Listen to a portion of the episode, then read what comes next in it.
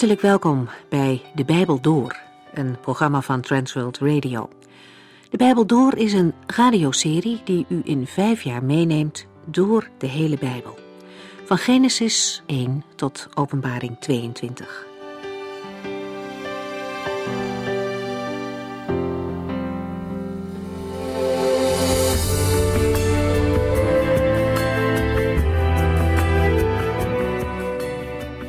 Vandaag gaan we de Bijbel door verder met het boek Jozua. Tot nu toe kwamen we tot en met hoofdstuk 18. De beschrijving van de verschillende stamgebieden, met name van de diverse stammen aan de westzijde van de Jordaan. Voor het volk Israël zijn deze hoofdstukken belangrijk. Voor ons zijn ze wel eens wat moeizaam om te lezen. Overigens is het wel interessant om deze gebieden eens in een Bijbelse atlas op te zoeken. Midden in de opsomming van alle gebieden staat er ineens een gebeurtenis beschreven. Caleb belooft zijn dochter Achsa tot vrouw aan de man die Kirjat Sever inneemt. Otniel, de broer van Caleb, hij doet dat en hij krijgt dus Achsa tot vrouw. Deze Otniel is een latere richter. Achsa spoort hem aan een stuk land aan haar vader te vragen. En vervolgens vraagt ze zelf ook nog wat aan haar vader. Ze heeft gezien dat het land dor en droog is en ze vraagt om waterbronnen. Achsa toont dezelfde moed en doortastendheid als haar vader en ook zij is tot zegen voor haar kinderen en familie. Vrouwen tellen in de Bijbel wel mee. Ze denken mee en delen in de zegen waar ze om vragen. In de hoofdstukken over de verdeling en de verovering van het land lezen we zo nu en dan ook over vijandige volken die niet verdreven werden. Misschien was de overmacht groot en was het onmogelijk om dit in eigen kracht te doen. Dat gold ook voor Caleb, maar hij keek op naar God. Als God een opdracht geeft die het menselijk kunnen te boven gaat, is hij ook degene die alles geeft wat daarvoor nodig is. Dat was toen en dat is nu. Jozua moedigt de mensen aan om de vijanden wel te verdrijven. Hij wijst hen voortdurend op de macht van God. En later wordt ook duidelijk dat het niet verjagen van de vijanden later veel problemen gaf. Wat in het begin een makkelijke weg leek, blijkt op den duur een veel moeilijker te zijn.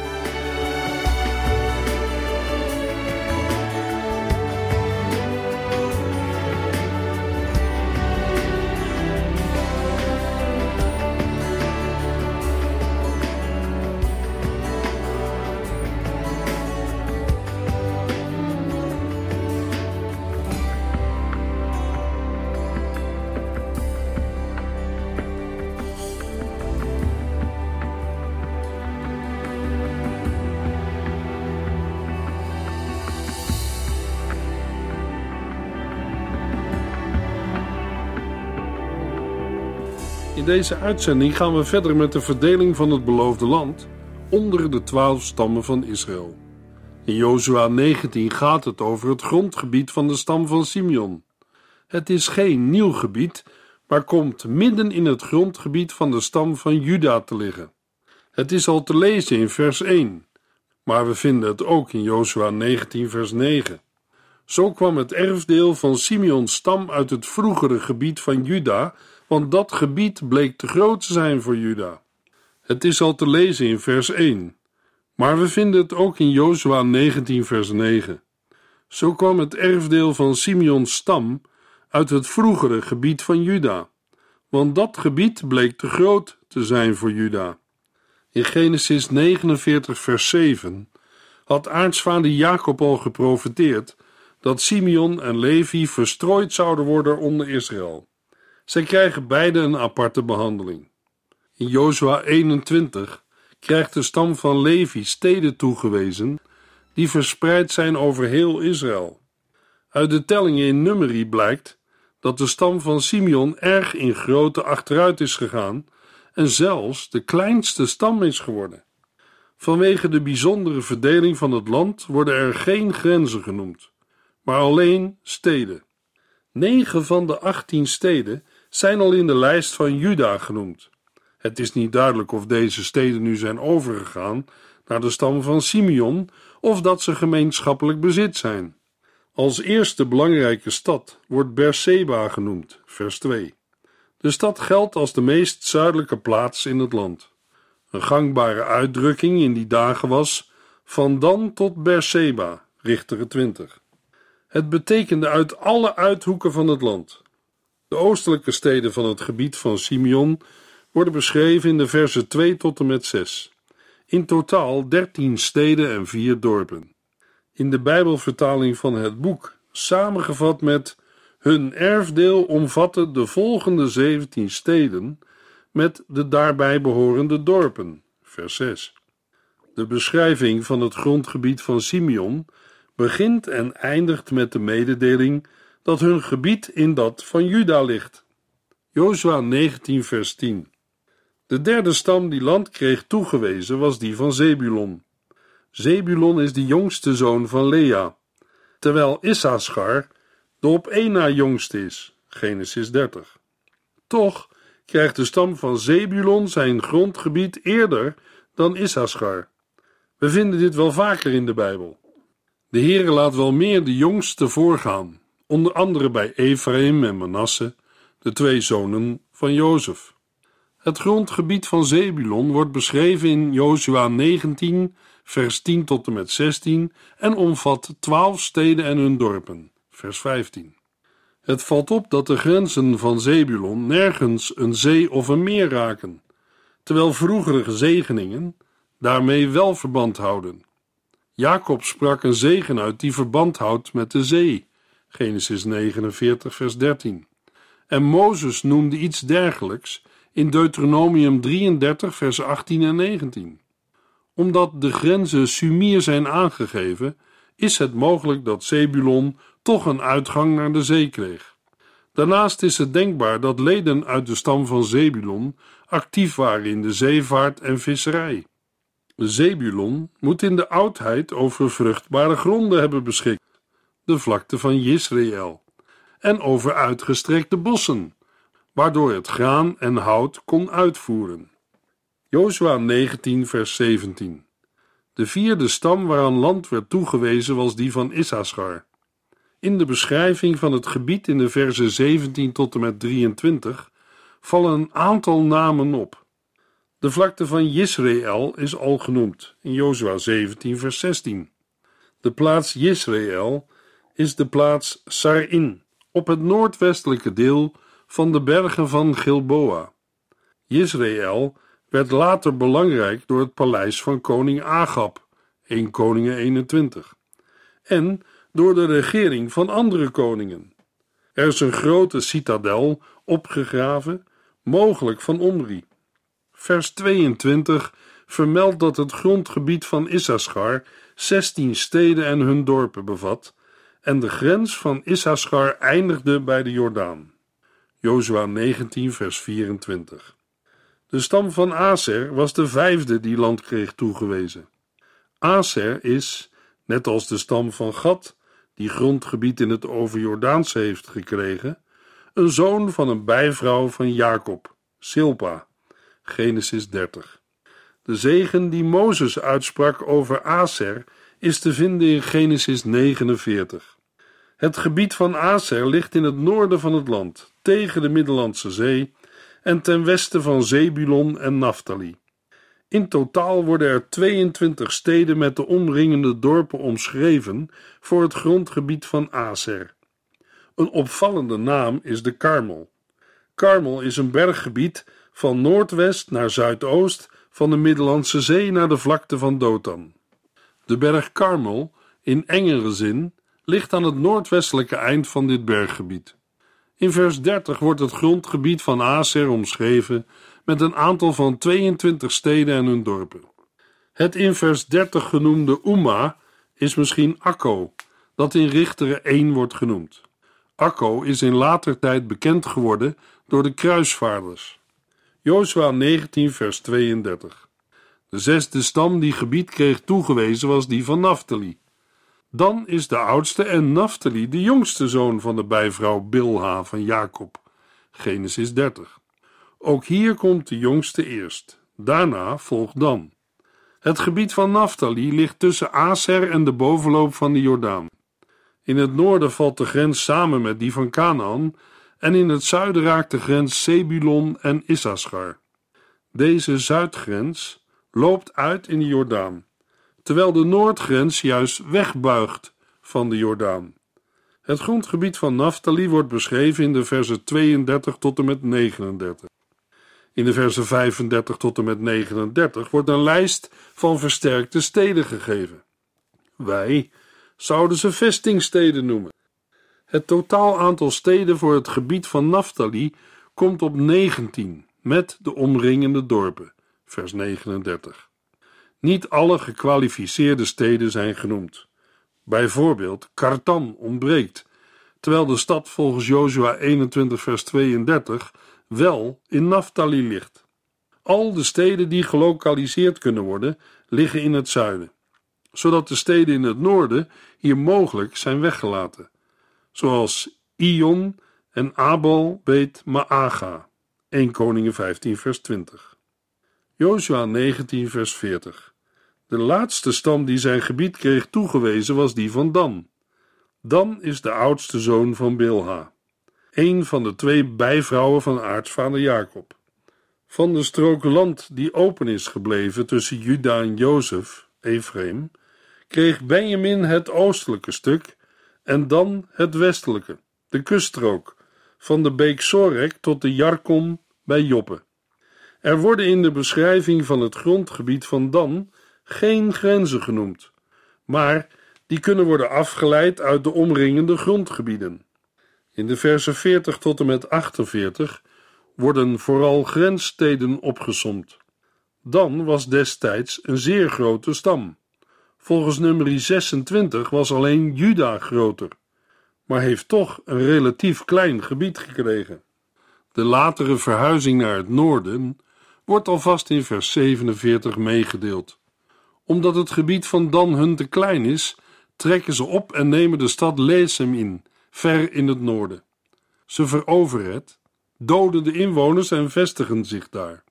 Zij noemden die stad Dan, naar hun stamvader. Vers 48. Deze gebeurtenis, uit later tijd dan de verdeling van het land onder Jozua, wordt uitgebreider beschreven in Richter 18. Vermoedelijk is alleen een deel van de stam weggetrokken en een ander deel gebleven. In vers 46 wordt de havenstad Javo genoemd.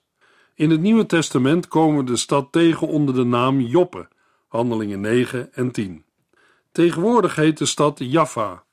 Javo komt vaak voor in buitenbijbelse geschriften. In de tijd van Jozua stond de stad onder Egyptische controle.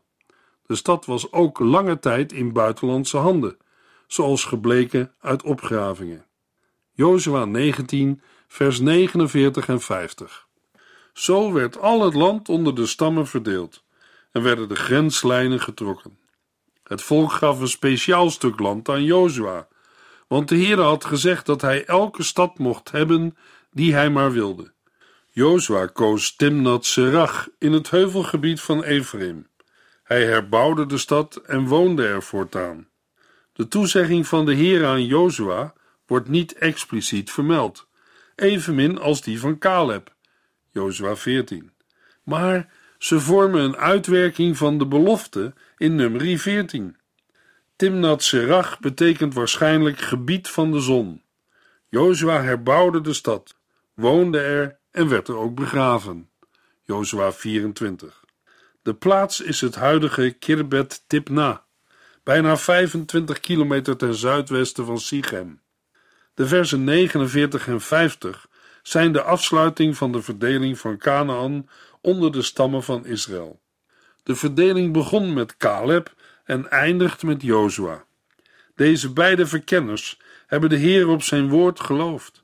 Hun geloof en moed wordt in het Bijbelboek Jozua ten voorbeeld gesteld. Jozua ontvangt zijn eigen grondgebied als laatste. Eerst mocht hij zijn leiderschap ten dienste stellen van de anderen. Jozua 19, vers 51. De priester Eleazar, Jozua en de stamleiders van Israël hadden de leiding van de heilige loting waarmee het land onder de stammen werd verdeeld. Dit had plaats onder het oog van de Heere bij de ingang van de tabernakel in Silo. De genoemde leidinggevenden zijn eerder genoemd, net zoals de procedure van het lot.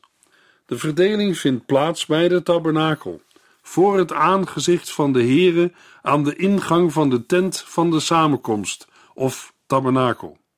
De stammen moeten nog veel gebieden en steden onderwerpen. Alles is nu gereed, behalve de aanwijzing van de vrijsteden en de steden voor de Levieten. Dat gebeurt in de volgende twee hoofdstukken.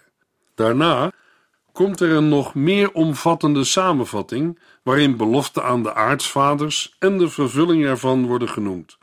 Jozua 21, vers 43 tot en met 45.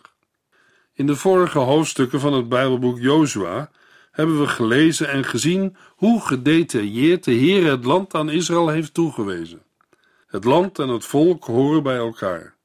De Heer gaf hem niet alleen het land van de Canaanieten, maar hij gaf ook aan iedere stam een eigen erfdeel. De Heer had bemoeienis met iedere stam, familie, gezin, mens en zijn bezittingen. Luisteraar, dat is ook voor ons een les om te leren. Ook vandaag bekommert de Heer zich om mensen, om u, jou en mij. Ons leven en alles wat we mogen bezitten is niet van ons, maar van Hem. Daarbij komt dat de Heer alles van ons weet. Voor Hem is niets van ons verborgen en er is geen plaats waarheen we voor Hem kunnen vluchten. Weet u, als u of jij al zouden willen vluchten, voor wat dan ook, dan zou ik naar de Heere vluchten. Bij Hem zijn uitkomsten tegen de dood. De dichter van Psalm 91 kan erover meepraten. Hij heeft het aan de lijve ondervonden. Wie schuilt bij God, de Allerhoogste, kan rustig slapen, want de Almachtige beschermt hem. Ik getuig daarvan en zeg tegen de Heere: U bent mijn toevlucht, bij U ben ik veilig en geborgen. U bent mijn God en ik vertrouw alleen op U.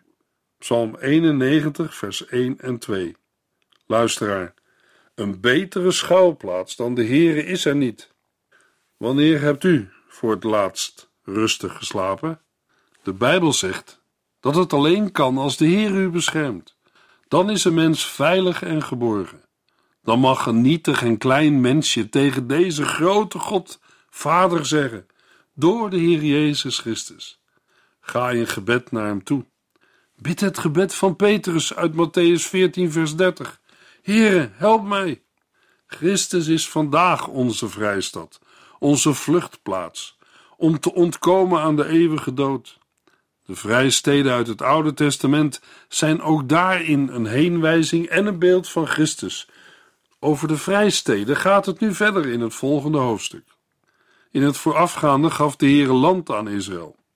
In Jozua 20 en 21 wordt iets van het land teruggegeven door steden af te zonderen voor speciale doeleinden. In Jozua 20 vinden we een beschrijving van de vrijsteden en in Jozua 21 een opsomming van de steden voor de priesters en levieten. Jozua 20 vers 1 en 2 De Heere zei tegen Jozua, zeg het volk Israël dat nu de vrijsteden moeten worden aangewezen, zoals ik Mozes heb opgedragen. Jozua moet tegen de Israëlieten zeggen dat zij de vrijsteden aanwijzen waarover de Heer met Mozes heeft gesproken. Het aanwijzen van vrijsteden is geen nieuwe opdracht, maar in de tijd van Mozes al bevolen. Vier Bijbelgedeelten stellen deze zaak aan de orde, namelijk Exodus 21, Numeri 35, Deuteronomium 4 en Deuteronomium 19. Een altaar in de tempel heeft een tijdelijke asielfunctie. Omdat het hele land van de Heer is, Leviticus 25, vers 23, mag hij bepalen wat ermee gebeurt. De Israëlieten geven de steden ook aan zichzelf, dat wil zeggen, ten behoeve van zichzelf. Diverse malen komt in dit Bijbelboek naar voren dat Jozua precies doet wat de Heere Mozes heeft opgedragen. Jozua 20, vers 2 en 3. Als een man iemand zonder opzet heeft gedood, kan hij naar een van deze steden vluchten en worden beschermd tegen de wraak van de familieleden. De bedoeling is dat een doodslager die iemand zonder opzet onvoorbedacht gedood heeft, daarheen kan vluchten. De vrijsteden zijn een toevluchtsoord tegen de bloedwreker. De bloedwreker gaat terug op de persoon van de Goel of losser. Het is een nabestaande van de overledene die de belangen van de overledene behartigt, op materieel vlak om het bezit van de overledene veilig te stellen voor zijn familie of op intermenselijk vlak. In geval van een gewelddadige dood is de Goel de nabestaande die zijn familielid vergeldt. Daarbij gaat het meer om herstel van een verstoord evenwicht dan om wraak. Gewoonlijk is het een familielid van het slachtoffer. Bloedwraak of vendetta houdt in dat men het recht en de plicht heeft om moord op eigen bloedverwanten te wreken op de dader en zijn familie. Het wijkt af van eerwraak of eermoord, waarbij men de eer van de familie wil zuiveren door moord op de dader. Bloedwraak werd in de oudheid, zowel in westerse als niet-westerse landen, gebruikt als een doeltreffende manier van snelrecht. Tegenwoordig komt de bloedwraak voor in een aantal culturen waarin eer en familie een belangrijke rol spelen, zoals bij Turken en Koerden, maar ook in Zuid-Europese gebieden als Corsica, Sicilië en Albanië. Bij de vrijsteden gaat het om het verschil tussen opzettelijk of per ongeluk doden. Met per ongeluk wordt bedoeld zonder kennis, waarmee bedoeld wordt zonder dat het de intentie was de betrokken persoon te doden. Als een man iemand anders had gedood, waren er twee dingen mogelijk. Hij kon het per ongeluk hebben gedaan of met opzet, een moord met voorbedachte raden. In Israël moest een moordenaar worden gestenigd. Dat was in het Oude Testament de wet van God, een leven voor een leven. Maar als iemand een ander zonder opzet had gedood, moet hij bescherming kunnen krijgen. In de Bijbel wordt een voorbeeld gegeven over twee mannen die een boom omhakken. Het ijzer van de bijl schiet van de steel, treft een van de houthakkers en doodt hem. Veronderstel dat de broer van de gedode man zou zeggen: Hij heeft het met opzet gedaan, ik zal mijn broer wreken. Dan zou de betrokken man geen kans hebben in leven te blijven, tenzij er een plaats was waarheen hij kon vluchten. Jozua 20, vers 4 tot en met 6. Als de onschuldige dader één van deze steden weet te bereiken, moet hij naar het stadsbestuur gaan en uitleggen wat er is gebeurd. De bestuurders moeten hem binnenlaten en een verblijfplaats geven in hun stad. Als een familielid van de dode komt om wraak te nemen, mogen zij de onschuldige dader niet aan hem uitleveren, omdat er geen opzet in het spel was. De man die per ongeluk de dood veroorzaakte, moet in de stad blijven tot de rechters een uitspraak over hem hebben gedaan, of tot de dood van de hoge priester die in functie was toen het ongeluk gebeurde. Daarna is hij vrij om naar huis terug te gaan. In de versen 4 tot en met 6 wordt de procedure beschreven die in geval van een onschuldige dader moet worden gevolgd.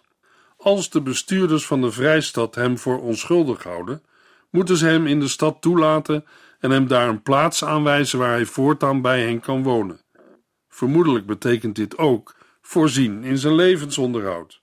Het duurt uiteraard enige tijd voordat de dader die in een vrijstad is komen wonen, in zijn eigen levensonderhoud kan voorzien. Hij heeft zijn eigen bezittingen achter moeten laten.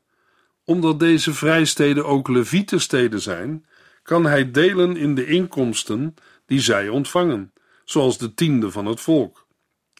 Deze bepaling staat alleen hier in Jozua 20 en niet in nummer 35 en Deuteronomium 19. De poort is de plaats van de rechtspraak. Het is vermoedelijk een eerste ontmoeting waarbij een voorlopige beslissing genomen wordt ten aanzien van de toelating tot de vrijstad. Daarna volgt een officiële rechtszitting in de volksvergadering, die volgens nummer 35 en Deuteronomium 19 plaatsvindt in de stad waar de dader en het slachtoffer woonden. De bestuurders van de vrijstad mogen de dader niet aan de bloedwreker uitleveren, omdat hij zijn naaste onvoorbedacht heeft gedood, zonder dat hij tevoren haat tegen hem koesterde. De doodslager mag in de vrijstad blijven wonen totdat hij voor de volksvergadering terecht heeft gestaan. Bij vrijspraak moet hij in de vrijstad blijven tot de dood van de hoge priester van die dagen. Daarna kan hij teruggaan naar zijn stad en naar zijn huis, naar de stad waaruit hij was gevlucht. In Jozua 20, vers 7 en 8 worden de namen genoemd van zes vrijsteden. Het zijn Kedes in Galilea, op het gebergte van Naphtali, en Sichem op het gebergte van Ephraim, en Kirjat Arba, dat is Hebron, op het gebergte van Juda. Al eerder waren aan de overzijde van de Jordaan, bij Jericho in het oosten, ook drie vrijsteden aangewezen, namelijk Bezer in de woestijn op de hoogvlakte, uit de stam Ruben, Ramot in Gilead uit de stam Gad en Golan in Bazan uit de stam Manasse. Als samenvatting volgt er in vers 9: Deze vrijsteden waren zowel toegankelijk voor vreemdelingen die in Israël woonden, als voor de Israëlieten zelf. Opdat iedereen die iemand zonder opzet heeft gedood, daarheen kan vluchten en niet het slachtoffer wordt van wraak voordat hij heeft terechtgestaan. De vrijstad is ook een geestelijke les voor u en mij. De Bijbel maakt duidelijk dat de Heer Jezus met en door zijn dood onze schuld verzoende. Hij is onze vrijstad. Als we over Christus spreken als onze toevlucht, zegt de schrijver van het Bijbelboek Hebreeën in hoofdstuk 6, vers 18, dat het uitgesloten is dat God zou liegen. Dat geeft moed en hoop aan ieder die naar hem vlucht om gered te worden. Christus kwam om zichzelf te geven. Zijn offer aan het kruis heeft een vluchtplaats, een vrijstad geopend voor allen die in hem geloven. Dat is ook waar voor u, luisteraar. Het is absoluut verkeerd om de Joden en of de Romeinen de schuld te geven voor de kruisiging van Christus. Alle mensen zijn schuldig aan zijn dood. Allen hebben gezondigd en missen de heerlijkheid van God. En Petrus zegt in Handelingen 3, vers 17 tot en met 19 tegen zijn Joodse landgenoten: Broeders, ik weet dat u in de tijd niet besefte wat u deed, en uw leiders ook niet. Maar langs deze weg heeft God zijn plan uitgevoerd. Want lang tevoren had hij al door zijn profeten gezegd dat zijn Christus veel zou lijden. Heb er dus berouw over en bekeer u tot God, dan zal hij uw zonde wegdoen. Uit 1 Corinthiërs 2, vers 6 tot en met 10 wordt duidelijk dat deze genade ook voor niet-Joden is. In de volgende uitzending lezen we Jozua 21 en 22.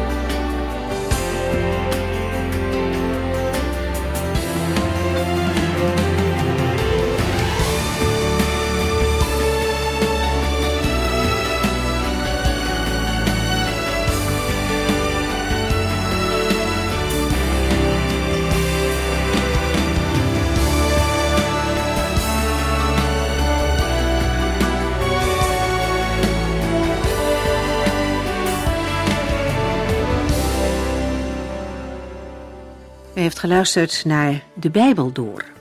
In het Nederlands vertaald en bewerkt door Transworld Radio. Een programma waarin we in vijf jaar tijd de hele Bijbel doorgaan. Als u wilt reageren op deze uitzending of u heeft vragen, dan kunt u contact met ons opnemen. Tijdens kantooruren kunt u bellen op 0342 47 8432. 0342 47 8432. 32. Ook kunt u een e-mail sturen naar de Bijbel door transworldradio.nl en natuurlijk kunt u ook via de post ons bereiken. TWR, postbus 371, postcode 3770, AJ in Barneveld. Dit programma werd gepresenteerd door Cor Weda en Ike André. Techniek was in handen van Odin van Woerdekom. En wij allemaal bedanken u voor het luisteren. Graag tot de volgende keer.